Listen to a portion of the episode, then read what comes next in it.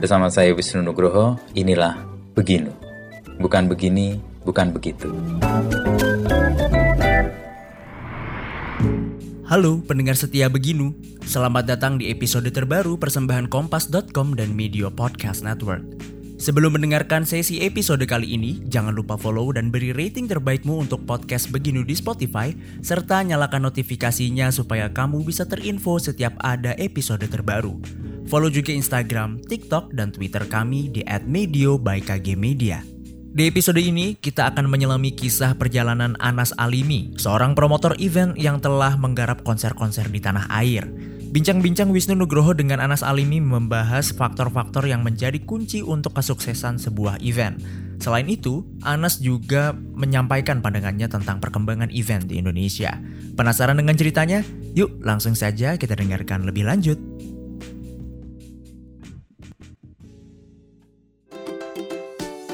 Hari gini masih ketipu investasi bodong, masih susah atur keuangan, investasi, klaim asuransi, dan update isu finansial? Dengerin podcast cuan, cari untung bareng teman. Persembahan Media by KG Media dan Motion FM di Spotify.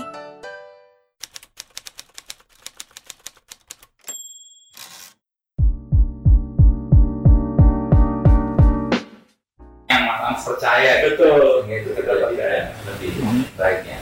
Tapi dalam perjalanan pernah merasa gagal atau tadi kan berapa cerita yang konser eh, gak laku dan sebagainya. Iya. Menghadapi itu gimana? Atau melihat itu sebagai apa? Jadi gini, bagi saya mas, keberhasilan event atau konser itu dua hal.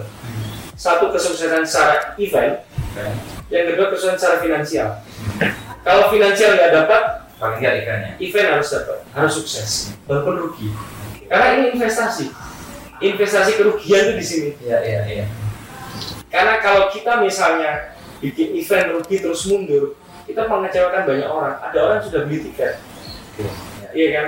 Berarti ada yang salah di kita. Kenapa nggak laku gitu? Padahal mungkin kontennya nggak bagus, mungkin konsepnya nggak bagus. Karena bagi saya acara itu semuanya tergantung konsep.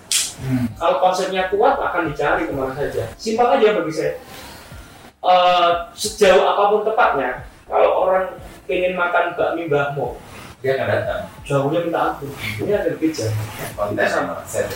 Itu itu kekuatan konsep. Nah berarti ketika kita rugi, kita nggak boleh nyerah. Soalnya so go on. Gitu.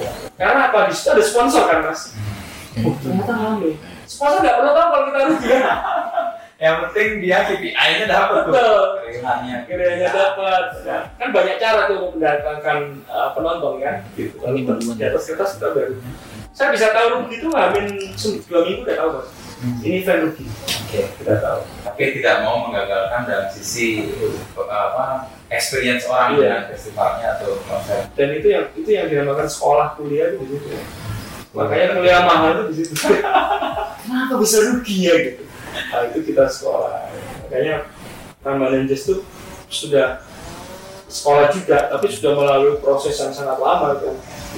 Jangan sampai ngitungnya kan kita ada namanya PNL ya, profit and loss, ada namanya cost estimate, CE cost estimate. Model bisnis itu. Waduh, kalau bisnis itu ternyata kita bikin program bundling kamar hotel sama ini tuh diminati orang lah, menarik nih gitu. Akhirnya Cara-cara baru ya. betul, memonetisnya itu memang butuh kreativitas, nggak boleh berhenti gitu.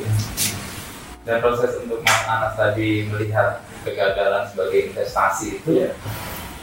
buat teman-teman yang di tim gimana mereka menerima ya gagal gagal aja lah investasi.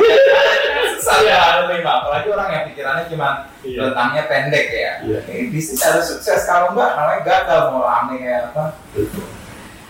Ya memang eh, berat mas, gitu. Tapi ketika saya tunjukkan bahwa kegagalan kita ini investasi ke depan, kita akan banyak menyenangkan banyak orang dan ini akan baik ketika benar begitu kita bikin event selanjutnya sponsor akan welcome. Oh kemarin oke nih ramai nih, itu ini oke walaupun dia nggak tahu kita rugi berdarah darah-darah gitu dan orang berpikir bahwa bikin event ramai itu selalu untuk enggak Kunci awal lah orang Jawa bilang belum tentu. Gitu. Nah, yang benar-benar untung seperti apa itulah itu yang memang butuh perjalanan panjang.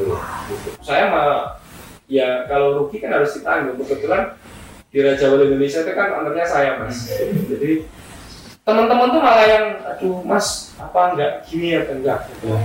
ini sudah menjadi kayak kewajiban moral ini yang dinamakan somas doan dulu Oke. karena udah kebayang kan ruginya berapa gitu gitu Tapi kan tadi dari integritas showman itu kan ke gembiraan tuh membahagiakan orang. Seni tertinggi ya Sudah membagikan orang. orang. Dan itu syukur-syukur kalau secara finansial tuh biasanya connect. Kalau enggak itu pun sudah Iya. sesuatu yang anggap sebagai capaian ya betul. Yang pasti yang heboh waktu itu ini eh Yani dipindah yang sakit Oh, oke Iya. sakit ya ya Jadi dia harusnya main 20 Oktober 2018 di tiga kot, di tiga negara itu out semua termasuk di kita. Kita akan mainkan. Jadi ambil 10 di cancel. Dia sakit karena main sepeda atau apa gitu jatuh. Akhirnya dia kalau nggak salah tiga negara itu Korea, Uzbekistan, Indonesia semuanya cancel. Krunya sudah di Korea. Aduh, udah tengah jalan sudah di Korea. Udah akhirnya saya postpone di 2019 main di Prambanan Jazz. oh masuk di situ Iya, makanya saya gabung. Itu itu yang sakit tuh ya. oh ya nih Padahal 10 hari lagi mas. Tiket udah sold out. wah iya iya kalau panik dan nggak jernih bisa kacau balau itu semuanya Saya tuh kan waktu itu ada cerita lucu. Kan kita kolaborasi sama Pak Tio TWC kan. oke ya itu Jadi saya tuh dapat kabar tuh sekitar jam 5 subuh dapat email bahwa Yani sakit. Jam 6 saya telepon.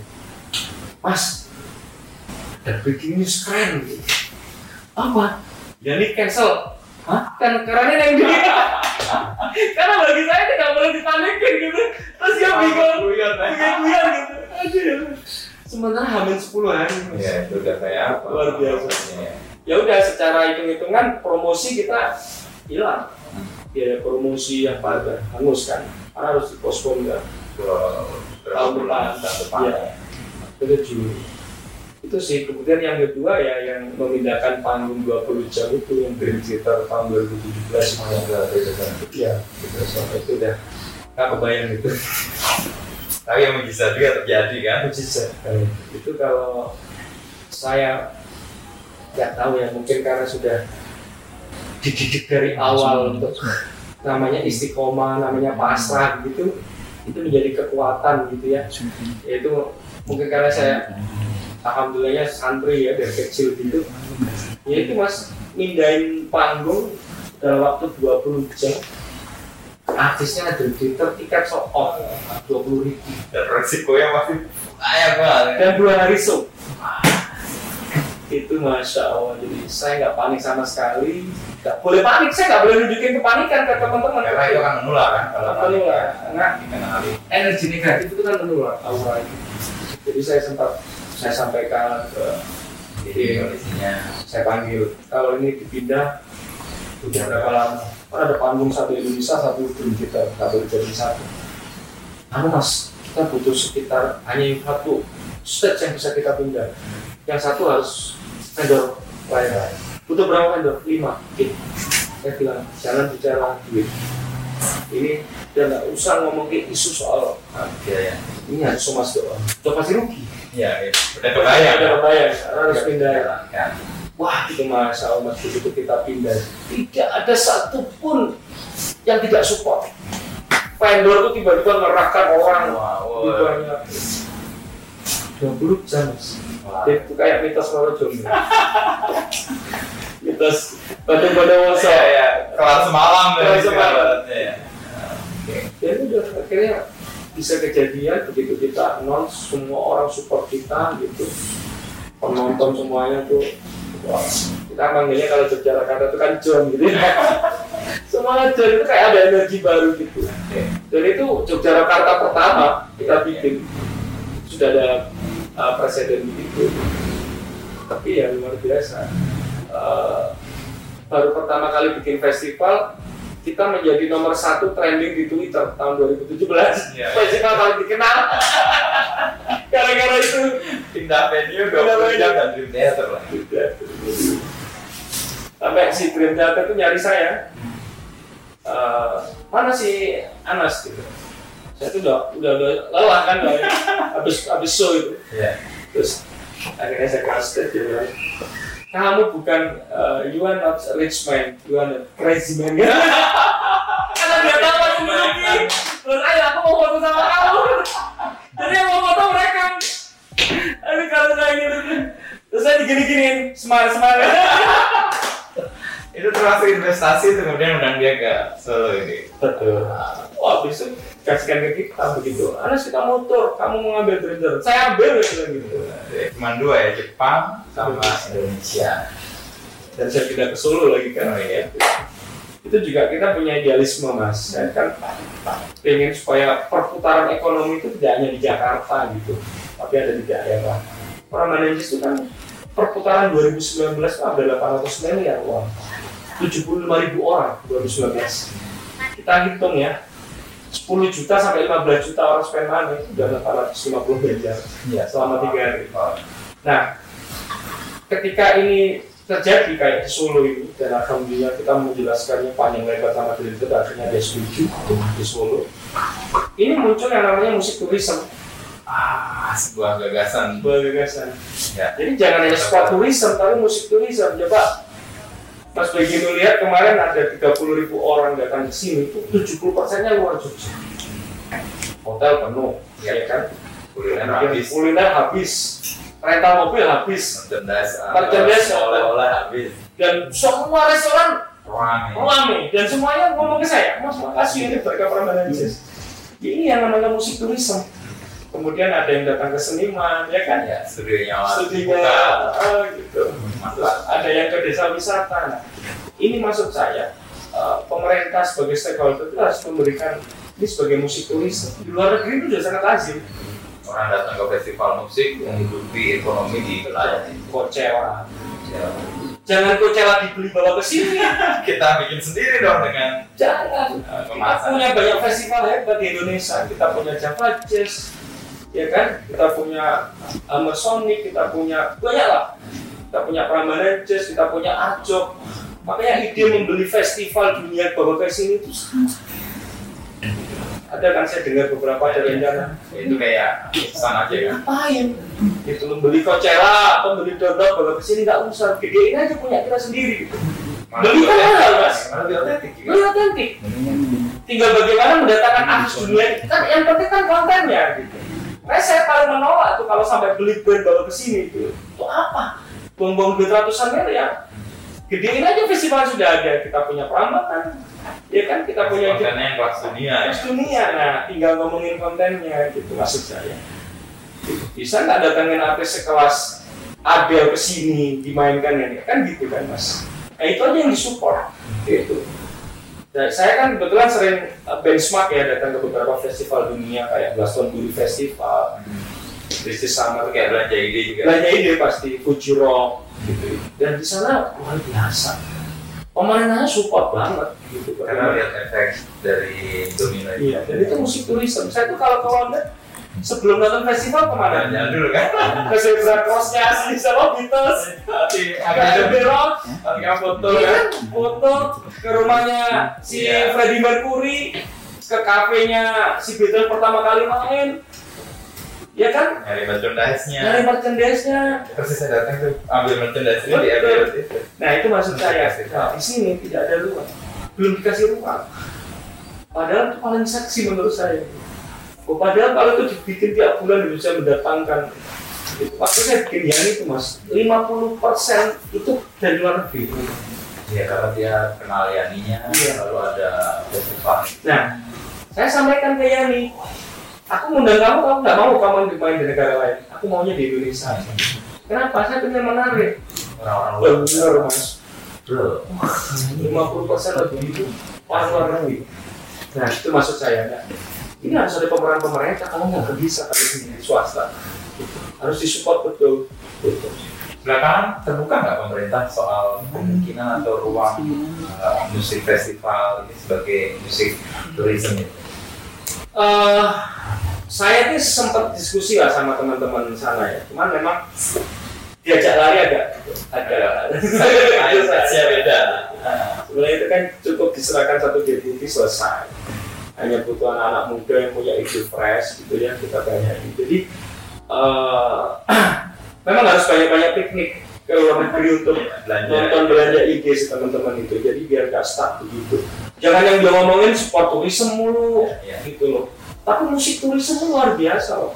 Kalau mas begini lihat orang belanja Justin Bieber out dua hari Westlife di mana-mana itu luar biasa loh gitu nah yang sedang di- harus dipikirkan adalah soal politiknya. Ya. Bagaimana memaksa artis itu hanya main di tepat itu. di Indonesia tidak main di negara lain di Asia. Dan itu kan mesti make money dan besar kan? Itu yang dilakukan Singapura mas. Waktu Coldplay.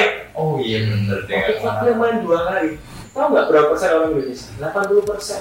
Berapa triliun duit hilang orang Indonesia? Ini pada sadar nggak sebenarnya Terus ya waktu di, di Melbourne juga kan? Orang Indonesia pada sana. waktu Adele itu.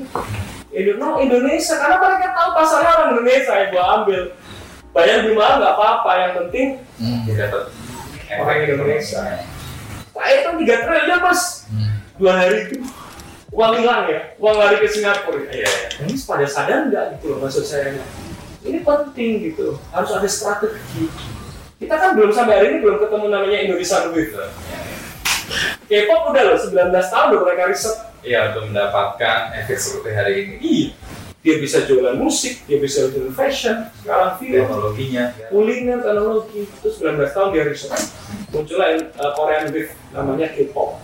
Indonesia belum ketemu sampai hari ini. Apa yang mau dijual? Ya kan? Kalau saya lihat beberapa musisi yang sudah berhasil di luar negeri itu kan kalau secara sejarahnya kalau kita kata ya kan sendiri sendiri Iya, iya, iya. Joe Alexander tiba-tiba menominasi Grammy. Kalau gue itu ceritanya kan Iya, iya, iya. Tapi ada ada kendala ini nggak mas? Konten. Jadi kayak tadi kan kayak Coldplay, kita yang saya dengar ini sekali konfirmasi apakah mereka memang menolak datang ke Indonesia karena alasan-alasan tertentu sehingga mereka ambil di Singapura atau Melbourne. Eh, ada beberapa yang iya. Ada beberapa kayak YouTube yang iya. Eh, mereka belum mau ke sini. Coldplay udah mau Coldplay nggak ada masalah. Karena kalah politik sama Singapura. Iya, Singapura melihat nilai ekonomi lebih gede dan dia pengen dan yang ngomong itu agentnya mas. Oh, A1 politik aku nggak mau main kamu ke Indonesia tak bayar lebih mahal. Ya iya dia tahu penontonnya orang Indonesia semua. Ini yang baru ba- bentar lagi itu Bruno Mars. Itu nggak main ke Indonesia Singapura main. Itu udah pasti politik yang dilakukan. Politik dagang. politik dagang maksudnya nah itu yang ini kalau kita sendiri nggak kuat mas nggak akan mampu bagaimana itu bisa dilakukan karena kita tuh udah keseringan jadi market Tidak penyedia. Iya. ya. jadi Tapi sekarang kan muncul beberapa festival ya Iya. yang juga tumbuh dan responnya lumayan bagus juga gak bakal besar gitu. Kemarin kita ngalamin pandemi lalu kemudian ini sedikit dibuka semua festival kan tiba-tiba sold out. Melihat itu gimana Mas Anas? ya bagus menurut saya bagus banget karena ini orang memang sudah ngempet ya pada jalannya ya dan berarti ekonomi ini berputar mas itu yang paling penting sih itu. jangan berputar di situ-situ saja. Ya. makanya kan saya sering, sering sampaikan ke teman-teman harus banyak bikin festival saya tuh kalau ada orang bikin festival tuh nggak pernah bersaing nih mas Iya, iya. malah harus saling support gitu loh makanya ketika ada beberapa konser di Prambanan itu saya senang. Wah berarti saya terbantu ini untuk bagaimana menghidupkan Prambanan lain tadi niatnya awalnya itu diplomasi kultural itu. jadi kayak misalnya Mandalika ya jangan jangan nunggu setahun sekali MotoGP. Harus bikin apa lagi festival apa yang bisa mendatangkan. Apa sih yang bisa mendatangkan banyak orang puluhan ribu ke Mandalika kan harus kontennya kuat gitu. Datangin siapa? Artis gede lah ke situ. Ada misalnya cuma di situ. Ya orang pasti datang. Ada keberanian nggak kayak gitu gitu maksud saya ini kalau bukan negara ini kan nggak bisa mas. Ya. kalau diserang ke EO kayak saya EO Deso gitu kan nggak mungkin. Ini harus bikinin acara di Mandalika. Ya saya duit dari mana gitu? Ya, ya. ini harus berpikirnya harus kayak mikirin MotoGP. MotoGP kan semua disempuh ya mas. Supaya orang nomor satu di Indonesia Iya. itu turun Betul. motoran ya. kayaknya gitu kan. Emang Mandalika sudah dibangun kayak gitu terus nunggu setahun lagi maksud saya ayolah ini kan luar biasa Indonesia ini kan ide di Mandalika tuh keren banget cuma datangin orang ke sana itu gimana Harus ada konten yang kuat. kuat gitu Coldplay bikin ke sana ya salah semua. Wah, iya pasti. Nah yang bisa begitu siapa? Kalau cuma saya Eon Deso atau teman-teman nggak akan bisa mas. Harus ada peran negara yang kuat, harus kuyung, sponsorin yuk. Gitu. Kita kirim ke orang ke agent sana, negosiasi. Supaya yang ke negara lain Ah, di Indonesia. gitu maksud saya. Itu kan bukan hal sulit. Kirim saya aja, insya Allah saya bisa. bisa. Tapi harus Ada disupport. Kalau enggak, ya nggak bisa. Gitu. Nah maksud saya, kita tuh berpikirnya tuh harus, harus besar gitu loh mas, untuk negara, gitu, untuk nation. Bukan untuk kepentingan sesaat gitu gitu. ya, yang kelompok ya. Intinya gitu. Eman gitu loh. Sudah nge-branding Mandalika misalnya sebagus itu, tapi kalau nggak ada sesuatu yang sangat penting gitu, nggak sustain itu kan eman. Itu kan dibikin konsep kan. Nah, dari hanya sport tourism atau musik musik turis. Nah itu maksud saya harus ada kesadaran kasih ruang lah musik turisme ini gitu. karena ini juga nggak kecil gitu 2019 kan PDB-nya sampai 1000 triliun mas ekonomi kreatif gitu dari yang punya potensi berkembang. ya Kita punya banyak konten. Kalau jangan ke depan mas, eh, konsep? Terima kasih telah mendengarkan podcast Beginu. Nantikan obrolan Wisnu Nugroho bersama narasumber inspiratif lainnya. Oh iya, jangan lupa juga untuk follow dan nyalakan notifikasi podcast Beginu agar tidak ketinggalan episode selanjutnya. Saya Dava Wahyu dan segenap tim Media Podcast Network pamit undur diri.